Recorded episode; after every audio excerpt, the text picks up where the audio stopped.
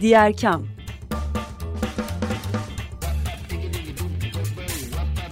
Sosyal fayda dünyasından fikirler, tartışmalar, haberler.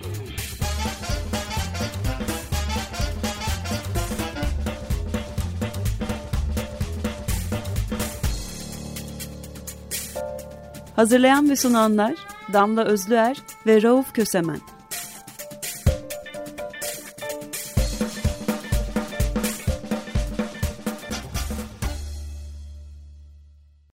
Herkese merhaba. Açık Radyo'da Diğer Kam'da Damla Özler ve Rauf Kösemen'le berabersiniz. Bugün yine bir konuğumuz var.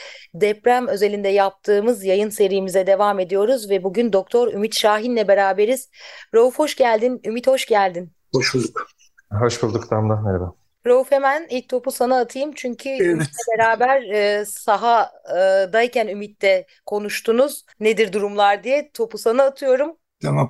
Ee, Ümit Şahin'i Açık Radyo programcısı olarak bilirsiniz ve iklim uzmanı olarak da tanırsınız kendisine. Ama Ümit Şahin'in doktor kimliği e, de var, bunu biliyoruz. Doktor Ümit Şahin bir halk sağlığı uzmanı aynı zamanda. Yakın zamanda da Adıyaman'a gitti. Tabipler Birliği'nin İstanbul Tabip Odası'nın e, görevlendirmesiyle ve e, o bölgede bir halk sağlığı e, açısından bir değerlendirme yaptı. Bunları raporladı. Önce şunu soracağım Ümit, hoş geldin tekrar. Önce şunu Hoş soracağım. Bir, bir afette neden halk sağlığı gibi bir kavramı konuşuyoruz? Ya da e, halk sağlığı dediğimiz kavramın genel e, tanımı ne ki bir afetten sonra daha özel bir şekilde önemli hale geliyor? E, şimdi halk sağlığının bir sürü tanımı yapılabilir ama benim en sevdiğim tanımı ya da kriteri diyeyim bir halk sağlıkçı neyle ilgilenir sorusunun cevabı e, şudur. E, bir halk sağlıkçı toplumda en çok sayıda insanı etkileyen, e, en fazla öldüren veya işte e, en fazla hasta eden, en fazla zarar veren e, ve bütün bu kriterlerle birlikte en önlenebilir olan sorunlarla, sağlık sorunlarıyla e, ilgilenir. Yani e, mesela az sayıda insanı etkileyen bir hastalık düşünün, bir az bulunan bir genetik hastalık düşünün ve fazla bir etkisi olmuyor diyelim, e, öldürmüyor ya da ağır bir hastalığa neden olmuyor. Mesela onunla çok ilgilenmez bir halk sağlıkçı e, ya da e, çok büyük bir sorun ama elinizde yapacak hiçbir şey yok, e, hiçbir koruyucu önlem alamıyorsunuz. Bir halk sağlıkçı onunla da ilgilenmez. Yani tersinden giderek tanımlarsak elimizde e, kolay bir şekilde önleyebileceğimiz imkanlar olan e, ve en çok sayıda insanı e, en ağır şekilde ilgilendiren, eda etkileyen sağlık sorunlarıyla ilgilenir. Mesela en klasik örneği suları, suları klorlamak. Neden? İşte çok basit geliyor insana ama hala dünyada e, yüz milyonlarca insan özellikle çocuklar e, sular, içme suları kirli olduğu için ishalli hastalıklar nedeniyle hani doğrudan su kaybedip ölüyor, dehidrasyondan ölüyor. E, bunun için bir topluluğa su sağlarsanız ve o suyu da klorlarsanız sorunu çözüyorsunuz. Yani dünyanın en ucuz ve en kolay şeyi. Ama bu yapılmadığı için milyonlarca insan ölüyor. İşte afetlerde de tam bu şekilde yaklaşıyorsunuz. Ee, birdenbire bütün altyapı çöktüğü için başta barınma olmak üzere e, insanlar barınma e, imkanlarından yoksun, e, temiz suya ulaşamıyorlar, gıdaya ulaşamıyorlar, hijyen koşulları çok bozuluyor, sanitasyon çok bozuluyor ve bulaşıcı hastalıklar yayılabilir. Ya da sadece insanlar ısınamadıkları için, barınamadıkları için, işte temiz suya ulaşamadıkları için çok basit bulaşıcı hastalıklardan hayatını kaybedebilir ya da çok ağır hastalanabilir. Siz e, halk sağlıkçı olarak bu şartların yani başta barınma, su, gıda ve e, hijyen olmak üzere bu şartları e, değiştirmeye çalışıyorsunuz. Yapılan şey bu. Dolayısıyla afetler e, halk sağlığının en fazla üzerinde durduğu alanlardan biridir. O zaman e, şunu soralım. A, genelde depremle ilgili yayınlarımızda da bir hat ilerleyerek gitmeye çalıştık. E, afetlere hazırlık sürecinde halk sağlıkçılar ne kadar e, dahil olabiliyorlar? O süreçleri katılımcı yürütmenin imkanı var mıydı ve biz ne kadar hazırlıklıydık bu afetten önce?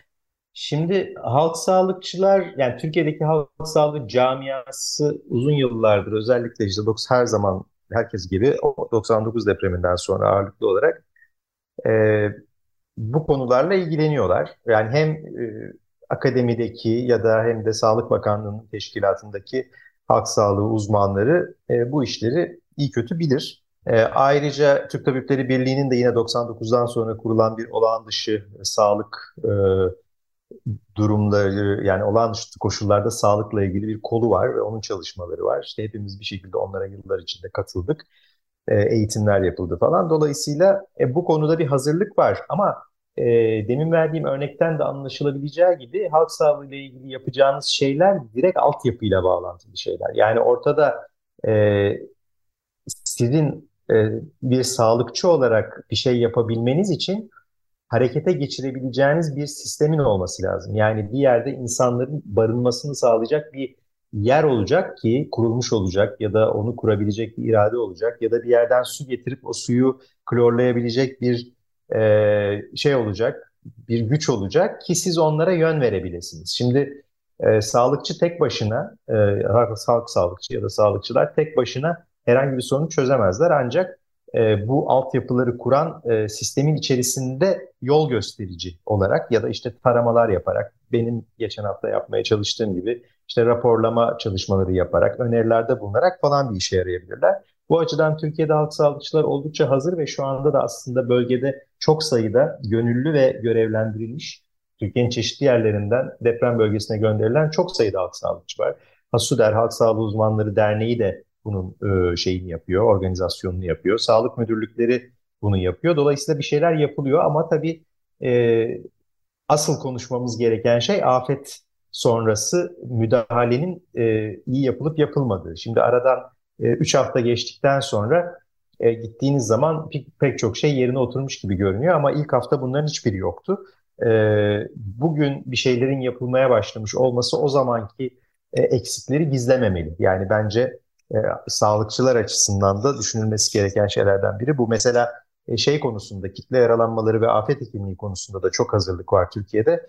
E, hatta mesela bir örnek vereyim. E, Gölbaşı ilçesinin yakınlarında bir tane Fransız Sahra Hastanesi kurulmuştu.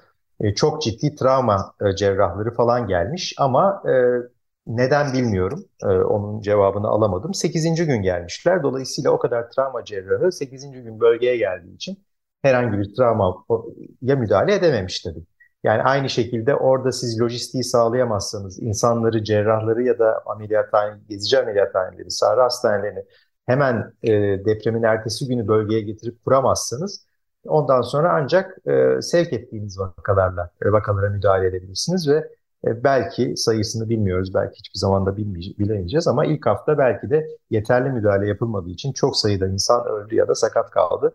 E, önemli olan bunları önceden planlayıp e, hem yani halk sağlığı açısından demin bahsettiğim basit çerçeve açısından hem de bu kitle yaralanmaları ve afet tıbbı açısından tamamen siyasi iradenin ya da oradaki sistemin e, yapabildikleriyle sınırlıyız. Yani bu yüzden işler iyi yürümüyorsa yürümüyor. Yoksa bu iş bilinmediği için değil bence. E, peki buradan hemen şeye geçelim. E, sen Adıyaman ve ilçelerine gittin.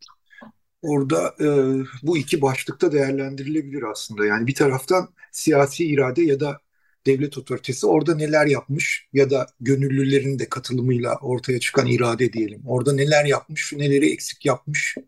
Bütününü görememiş olabilirsin ama bir fikrin olmuştur. Onu bizimle paylaşmanı rica edeceğim. Bir de e, yine halk sağlığı kriterleri açısından de, e, değerlendirirsen şu anda bölge ne durumda? İki gün oldu galiba sen döneli. Üç gün oldu pardon. Cumartesiydi. Evet. Evet.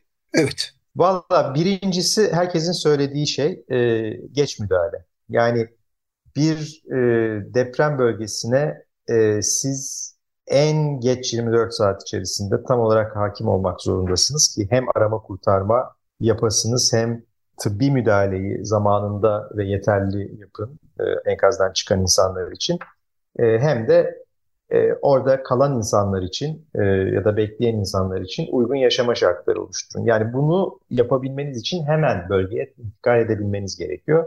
Ama e, bu tür bir büyük afete yönelik e, bu kadar geniş bir alanı ilgilendiren bu kadar büyük bir afete yönelik ciddi bir hazırlık yapılmadığı, lojistik açıdan e, hiçbir şeyin yapılmadığı çok belli. Orada konuştuğumuz herkes ilk üç gün e, kimsenin olmadığını yani ne arama kurtarma ekibi ne de başka bir e, ciddi müdahalenin olmadığını ancak ondan sonra yavaş yavaş başladığını söylüyordu bir. İkincisi dağınıklık. Çok gözle görülür bir dağınıklık var. Yani sürekli işte AFAD'ın yetersizliğinden bahsediyoruz. Ve ben tabii 14. gün, gün gittim oraya. Dolayısıyla biraz e, sahaya hakim olmuşlardı artık ama e, bu kadar e, geç dönemde hiçbir şey, hiçbir kurumsal yapı olmadığında da hakim olursunuz zaten. E, ben e, o konuda çok ciddi bir dağınıklık olduğunu düşünüyorum. Yani gözümüzde gördüğümüz için örnekleri sonra konuşuruz. Üçüncüsü de belki biraz daha detaylı konuşmak gerekir. Çadır kentlerin durumu. Çadır meselesinin ya da çadır kent meselesinin anlaşılmadığını düşünüyorum. Ben e, bunun bir e, ciddi bir şey olduğunu, insanları barındırmanın o kadar kolay bir şey olmadığını, insanlara bir tane e, işte çadır verip al bunu kur, orada otur demenin bir anlamının olmadığını AFAD da herhalde bilmiyordu. E, ya anlamamışlar. Zaten Kızılay'ın e, Kızılay'la ilgili skandal da malum. E, dolayısıyla benim görebildiğim orada insanların bu nedenlerle aslında son derece umutsuz, öfkeli ve e, işte çaresiz bir durumda olduğu ama zaten en büyük şey de çoğunluğun bu nedenlerle gittiğiydi. Yani insanlar zaten orada e, kamu görevlisi olduğu için ya da e, gönüllü olarak çalışmak için kalan insanlar dışındaki herkesin e, nüfusun belki üçte ikisinin Adıyaman'ı terk ettiğini herkes söylüyordu zaten. Zaten girilecek bina kalmamış durumda şu anda. E, şey bu, hani bu kadar büyük bir deprem sonrasında, bu kadar büyük bir afet sonrasında bundan daha e, kabul edilebilir şartlar oluşturulabilir miydi diye insan düşünüyor bazen ama eğer önceden e, böyle bir deprem, madem jeologlar bunu öngörüyor, afet yönetimi de bunu öngörmüş olsaydı ben çok daha kısa bir süre içinde yani birinci hafta içerisinde bugünkü e, tabloya ulaşılabileceğini düşündüm orada. Ama maalesef daha üçüncü haftada hala e, çok yetersizdi pek çok şey. Gönüllüler hariç ama onları ayrıca konuşalım. Gönüllülere gelmeden önce bir şey soracağım tam e, bu söylediğin üzerine. Görmüş olsaydı bu afeti jeologlar söylüyor zaten dedin ama görüldüğüne dair emareler var. Yani e, risk azaltım planlarından tatbikatlara kadar birçok şey olmuş. Görüldüğünde... Adıyaman'da tatbikat var 7 üzeri depreme karşı tatbik yapılmış bir tatbikat var yakın zamanda yani.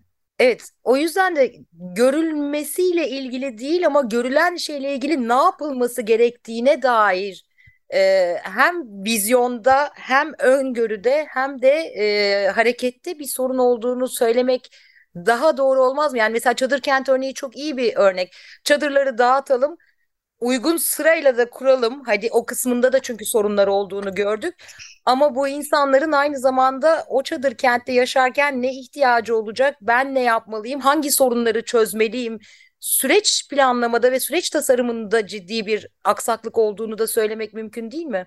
Valla e, Damla bence çok basit düşünmek lazım. Yani buna biraz siyasi bir cevap vereceğim. Şimdi bir proje yürütüyorsun diyelim. Ne yaparsın bir proje yürütürken? Yani en basit bir iş. Önce amacını belirlersin değil mi? Asıl amacın ne? Sonra o amaca ulaşmak için e, alt hedeflerini belirlersin, alt amaçlarını belirlersin ya da sonra da bir iş planı çıkartırsın, oraya uğraşırsın değil mi? Demek ki yani alt işleri, iş planına falan geçmeden önce belli bir e, temel amaç, temel hedef gerekiyor. Şimdi burada ne olması gerekir?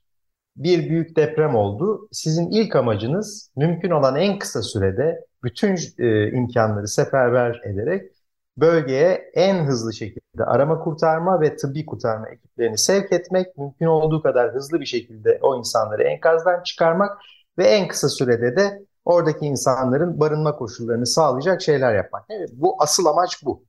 Şimdi asıl amacınız buysa, yani bu olsaydı asıl amaç, yani bu işle ilgili otoritenin birinci amacı bu olsaydı, burada yine aksaklıklar olurdu, yine yanlışlar yapılırdı, yine bir takım şeyler aksardı ama aşağı yukarı bir şeyler yapılırdı diye düşünüyorum ben. Halbuki amaç bu değildi bence. Bence ilk gün şu tespit yapılmış. Yani bence hepimiz bunu bölgeye gitmeye gerek yok. Hepimiz görüyoruz. Şu tespit yapılmış. Büyük bir deprem oldu. Buna müdahale etmek çok zor. Biz de buna doğru düzgün müdahale edemeyeceğiz. Biz buna müdahale edemediğimizi nasıl gizleriz? Amaç müdahale etmekten çok bu müdahaledeki eksiklerin görünmesini engellemek, oy kaybetmemek ve e, mümkün olduğu kadar sahaya hakim görüntüsü vermek olarak belirlenmiş amaç. Bu o kadar açık görünüyor ki e, siz amacı en baştan amacı oraya müdahale etmek mümkün olduğu kadar hızlı bir zamanda gidip durumu kontrol altına almak değil de kontrol altına almış gibi görünmek ve eksikleri örtbas etmek olarak bir amaç belirlerseniz bu o kadar çok zamanınızı alır ki bu işleri bu amacı e, gerçekleştirmek o kadar zor bir şey ki yani bunu gerçekleştirmek için vereceğiniz emek nedeniyle diğerini zaten yapamazsınız. Bence olan şey bu. Kızılay'da normal zamanda, afet öncesi zamanda e, afete hazırlık için gerekli e, çadırların üretimi, bunların depolanması, bunların hızlı bir şekilde bölgeye sevki gibi bir planlama yapması gerekirken amaç olarak bunun yerine ticaret yapmayı seçmiş. Şimdi Kızılay ticaret yapmayı amaçlıyor, AFAD kadrolaşmayı amaçlıyor. İlgili yetkililer de durumu örtbas etmeyi amaçlıyorsa zaten bir şey yapamazsınız siz. Yani o yüzden e, yapılamaması bence çok baştan bir sorunun e, şeyi. Daha nasıl anlatılır bilmiyorum. E, bunun e, verileri, bölgedeki verileri nelerdi? Seni böyle bir e, yani bu, bunu dışarıdan da bakarak e, söyleyebiliriz. Bunun farkındayım. Sadece biraz daha Adıyaman'a odaklanmak için söylüyorum. E, oradaki e, gördüklerini e, konuşmak için. O, oradaki veriler neler? Mesela insanların erken terki ya da başka şeyler e, bunu gösteriyor mu? Yani bazı şeyler var anlatamam. Onu söyleyeyim. E, ama mesela e, buraya yansıdı mı bilmiyorum. E, sürekli oradaki insanların e, öfkeli bir şekilde e, anlattığı bir hikaye vardı. Adıyaman valisinin e, depremden hemen sonra çıkıp e, ilimizde fazla bir sorun yok diye bir açıklama yapmış olduğunu anlatıyordu halk. Orada görüştüğümüz insanlar. Bilmiyorum bu yansıdı mı basına? E, siz duydunuz mu bunu? Yok hayır buraya yansımadı. Evet, yani halk mesela bunu konuşuyor. Türkiye gitmiş olabilir bir sürü şeyin arasında. Yani halk orada e, Adıyaman valisi zaten galiba Adıyaman valisi daha sonra merkeze alındı bir şeyler oldu. Çok emin değilim. Şimdi e, döndükten sonra e, şey yapamadım, e, kontrol edemedim ama bir protesto edildiğini falan biliyorum. Ve e, sadece Adıyaman valisinin e, afetin ertesi günü ya da aynı gün çıkıp fazla bir sorun yok ilimizde değil, gülerek bir açıklama yapması, yani insanları rahatlatmaya çalışan bir açıklama yapması. Bu arada binlerce insan ölmüş durumda. E, bu bile bence e, bu demin anlattığım önceliğin ne olduğunu gösteriyor. Onun dışında da bir sürü şey anlatılıyor da hepsini anlatamam. E, kanıtım olmadığı için, sadece duyum olduğu için şimdi. E, ama yani oradaki genel kanaatin, e, insanlardaki genel kanaatin, genel bezgin ifadeyle e, söyledikleri şeyin bu olduğuna emin olabilirsiniz yani. Kimsenin aslında yani o eksikleri gidermek, bir an önce arama kurtarmaya başlamak falan gibi bir niyeti olmadığı işte bir an önce olayı e, zaten bu kadar erken enkaz kaldırmaya başlamanın nedeni de bu. Yani ne kadar erken enkaz kaldırmaya başlarsanız o kadar kolay e, delilleri yok edersiniz ve e, hani fiyasko görüntüsünü ortadan kaldırırsınız çünkü. Bence bu da kanıtlardan bir tanesi yani. E, sen Adıyaman ve çevresine gittin. Yani e, ilçeleri de dolaştın. Şimdi o bölgeden, e, bölgede bulunan, gidip gelen bütün arkadaşların ortak cümlesi gibi bir şey bu. Valla öyle televizyondan bakıldığında, görüntülerde e, görüldüğünde anlaşılmıyor durum. Hakikaten oraya gittiğinde bambaşka bir durumla karşılaşıyorsun gibi cümleler kuruluyor. Biraz işin bu tarafından da bilgi alabilir miyiz? E, orada neler gördün ve bizim hakikaten hafızalamızın almayacağı e, örnekler varsa onları da örnekleyerek. Yani yıkım çok büyük tabii. İçine girmeden uzaktan fotoğraflardan falan çok e, anlaşılamıyor. Tabii moral bozucu olduğu için de hani insan bir süre sonra hani bakıp görmemeye başlıyor. Ben mesela İSİAS Oteli'nin oraya özellikle gitmedim yani. Görmek istemedim. O çok sayıda hani sporcunun da öldüğü bir yer vardı ya bir otel. Ee, biraz kendinizi kaçınıyorsunuz aslında. Ee, her şeyi görmek e, de istemiyorsunuz. Mesela bir köye gittik, Gölbaşı'na bağlı Harmanlı köyüne. Yani büyük bir yıkım vardı. Yani köyün ortasından geçmiş fay ve e, çok büyük bir yıkım vardı. Hani gitmeden e, bu kadar e, büyük bir yıkımın nasıl olabileceğini düşünemiyorsunuz ama gittiğinizde köylü de yok zaten. Öyle bir şey var. E, bütün neredeyse köylerin büyük bir çoğunluğu bir e, yakınlarının yanına falan gitmişler. Köyde kimse de kalmamış. Belediye başkanı vardı. Belediye başkanı e, depremde kolu ve bacağı kırılmış, alçılı bir şekilde e, o ortalıkta koşturuyordu. Yani böyle gerçeküstü görüntüler e, görüyorsunuz. Ama daha e, etkileyen bir şey söyleyeyim e, beni. Ben orada insanların e, bütün bu yıkıma rağmen e, müthiş bir e, hani şey güzellemesi yapmak için söylemiyorum yalnız yanlış anlamayın. Yani insanlığımız ne kadar dayanışmacı, ne kadar mücadele edici falan gibi güzelleme yapmak için söylemiyorum. Gerçekten insanların e, bir hani şeylerde son kitaplarında falan da anlatır ya e, olağanüstü durumlarda nasıl aslında olağanüstü bir direnç kazandıkları ve nasıl e, işbirliğine gidebildikleri, koordine, kendi kendilerine koordine olabildikleri. Yani devletin koordinasyonu çökerken insanların e, spontan bir koordinasyona ne kadar kolay gidebildiklerine dair örnekler vardı. Bunlar böyle kişisel kahramanlık hikayelerinden öte şeyler ama mesela Adıyaman Tabip Odası Başkanı'nın e, ben oraya ilk gittiğimde üstünde iş kıyafetleriyle e, konteynerların kablolarını çektiğini falan gördüm. Yani zaten günlerce sürekli görüştük. E, arkadaşımız, e, doktor arkadaşımız orada sürekli hekimlerin kalması için e, işte 10 tane konteyner bulmuş. Onları montajıyla uğraşıyordu. Yani müthiş bir e, şeyle uğraşıyor. Kendi çalıştığı sağlık ocağı da e, hasarlıydı falan. Daha doğrusu aile sağlığı merkezi ağzımız alışmış. Sağlık ocağı diye bir şey kalmadı ama aile sağlığı merkezi de hasarlıydı. Bir başka örnek vereyim. E, bunu her yerde anlatıyorum ama çok etkiledi beni. Adıyaman merkezdeki bir çadır kentte yine oradaki elektrik tesisatını döşeyen bir, bir gönüllüyle konuştuk. E, daha sonra adam yanımıza geldi galiba. İşte ne yapıyorsunuz, siz neredensiniz falan filan. E, siz nereden geldiniz dedim. Yani uzaktan bir yerden geldiğini düşündüm gönüllü. Ben dedim Kahtalıyım. Kahta'da e, Adıyaman'a 20 kilometre. Orada da yıkım var. Ha, sizde bir şey yoktu herhalde falan dedim. E, yok dedi. Biz aileden 28 kişiyi kaybettik dedi. E, işte onları defnettik dedi. Onları defnettikten sonra da geldim burada e, gönüllü olarak, e, elektrikçi olarak çalışıyorum dedi. Yani e, 28 kişiyi kaybetmiş ailesinden ve hemen ardından atlamış gelmiş Çadır Kent'in elektrik tesisatını yapıyor. Bir başka bir Trabzonlu bir görevli bir çadır kent oluşturuyordu tek başına. Bize sürekli anlattı şunu böyle yaptım, bunu şöyle yaptım. Kendisi çadır üretiyordu orada. Yani kendisi profillerden ve brandadan çadır üretiyordu. Ee, bir başka yerde bir AFAD gönüllüsü gömleği giymiş genç bir öğretmen kadın vardı. Ee, inanılmaz çalışıyordu. Ortada hiçbir e, resmi görevli olmayan bir yerde bir çadır kenti tek başına bütün eksiklerini e, gidermeye, idare etmeye çalışıyordu. Yani bu hani bu dayanışma, gönüllülük, diğerkamlık e, hani sizin programın ismiyle falan örneği olmanın ötesinde aslında insanların olağanüstü durumlarda, afet durumlarında nasıl e, yaratıcı olabileceklerini, ne, nasıl kolay organize olabildiklerini gösteren e, bir örnek. E, burada eksik olan şey işte bütün bunların e, olması gereken, şimdi vakit kalmadı herhalde ama mesela çadır kentler aslında hiç olması gerektiği gibi kurulmamış. Çünkü e, herkese gitsen oraya çadır kent kur demişler. Bunları organize edecek önceden planlanmış bir e, AFAD olsaydı, keşke Türkiye'de bir AFAD olsaydı yani. Bir AFAD olsaydı o zaman çok büyük bir sorunumuz kalmayacak. Evet, e, programın sonuna e, geldik değil mi Damla? Doğru, doğru. programın sonuna geldik. evet, e, programın sonuna geldik e, ama çevre e, sağlığı üzerine konuşamadık. Aslında şeyden önce, programdan önce biraz buna da gireriz demiştik.